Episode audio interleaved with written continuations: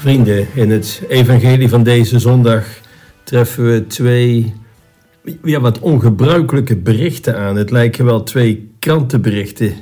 En naast alle ellende uit Oekraïne zou je dit soort berichten ook aan kunnen treffen.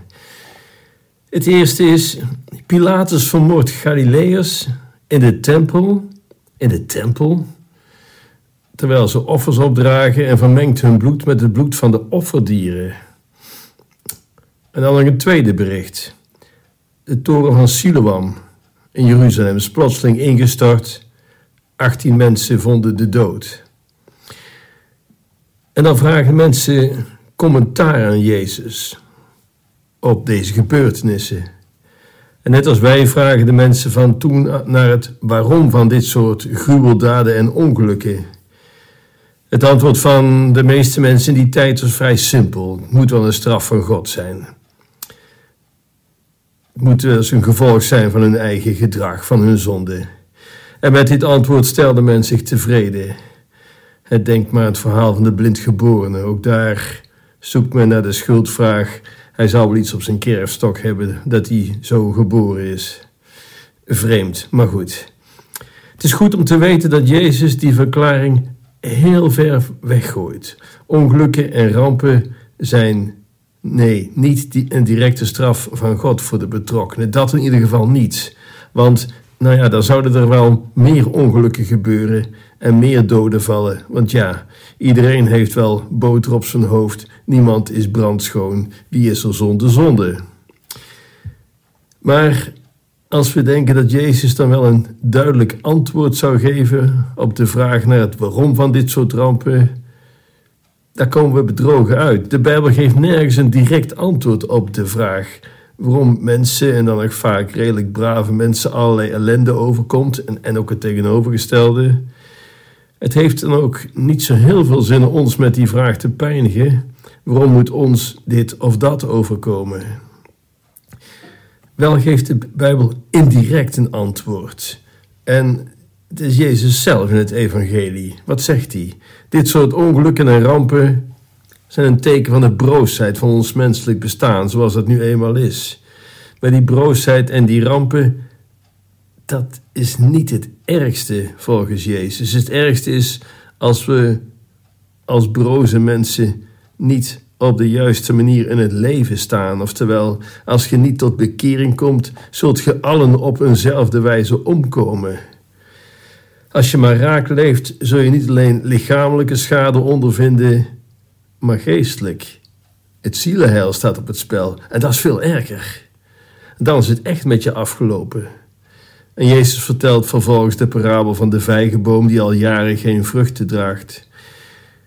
God gaat het erom of je broze leven vruchten draagt. Dat je door je manier van leven goede vruchten voortbrengt. Dat je tot één keer komt en vervolgens goede vruchten voortbrengt, dan heeft je leven oneindige waarde voor God dwars door alle rampen en ongelukken heen. Zoals het ook bij Jezus was, hè? dwars door schijnbare mislukking, lijden en dood, krijgt dit leven oneindige, eeuwige waarde, omdat het getuigde van liefde en trouw. En Jezus voegt er nog iets aan toe, hè? dat God met de mens veel geduld heeft. Hij laat de vijgenboom, de vijgenboom niet bij de eerste de beste misleukt, uh, misoogst omhakken. Hij geeft behoorlijk veel nieuwe kansen. Hij hakt er zo gezegd niet met de bottenbijl op los. Maar als de mens echt niet wil, dan is het op een gegeven moment gedaan. Ons leven hier houdt eens op. En dat is erger dan alle lichamelijke rampen. Het zielheil is oneindig veel belangrijker. En zo vraagt Jezus ook aan ons om geduld te hebben met elkaar. Of het nou bij familieruzies is of oneenigheid op het werk of in de buurt, hak er niet meteen op in. Wijs niet te gauw anderen als schuldigen aan. Heb geduld en kijk ook naar jezelf.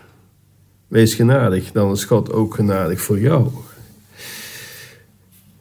De Bijbel, we noemen het goed nieuws, het goede nieuws, het evangelie. En toch, door de hele Bijbel horen we twee dingen. Het goede nieuws, Gods barmachtigheid, maar ook het slechte nieuws. Want God is ook rechtvaardig. En dan komt straf ook in beeld. We kunnen de passages die we niet graag horen, ja, die kun je eruit knippen. Maar dan zouden we een nieuwe, een hele andere religie creëren.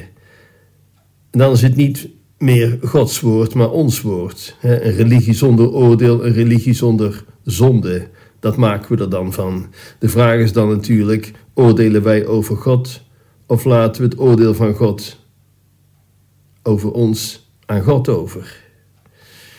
Hoe valt het nou te rijmen? Dat, is een gerechtvaardigde vraag. Enerzijds het goede nieuws van Gods genade en vergeving, en anderzijds het slechte nieuws van Gods gerechtigheid en straf. God is bouwmachtig en rechtvaardig. Ja, hoe verhoudt zich dat tot elkaar? God is rechtvaardig. Wat betekent dat? Dat hij het kwaad niet goed noemt en vice versa.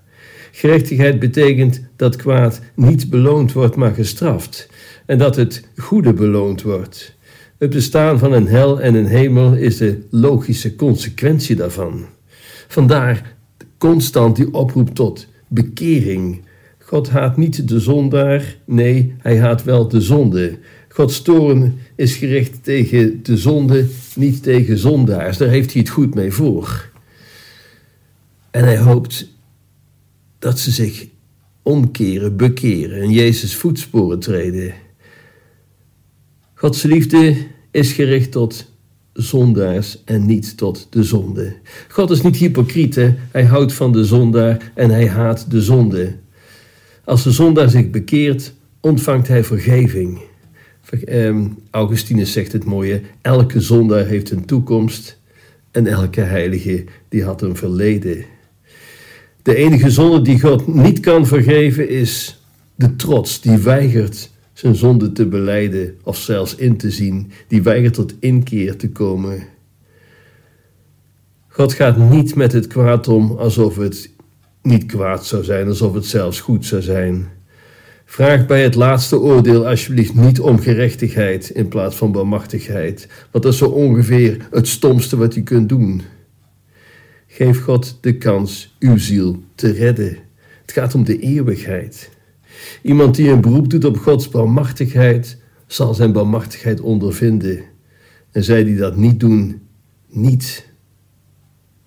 Beangstigt dit u wat ik nu zeg? Prima, want er is niets erger dan sterven in zonde.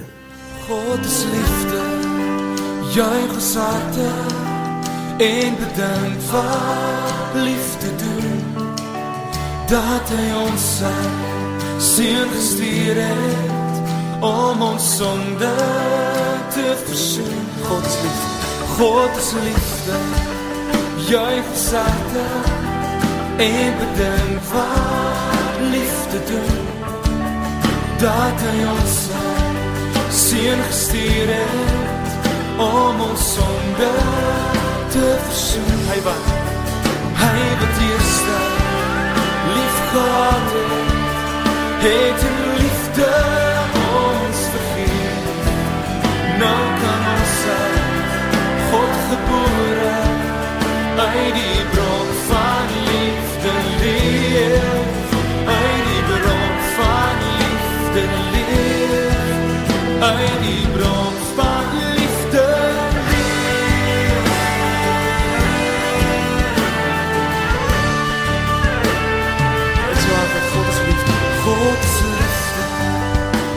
sarta en bedank vir liefde ding dat hy ons seën gestuur het.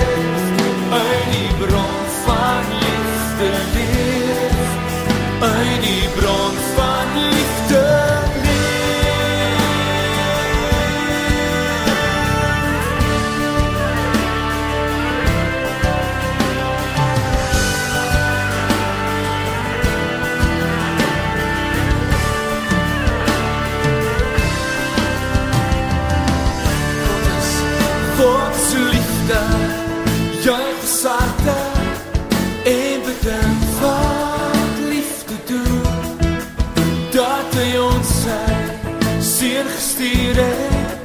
어묵 송글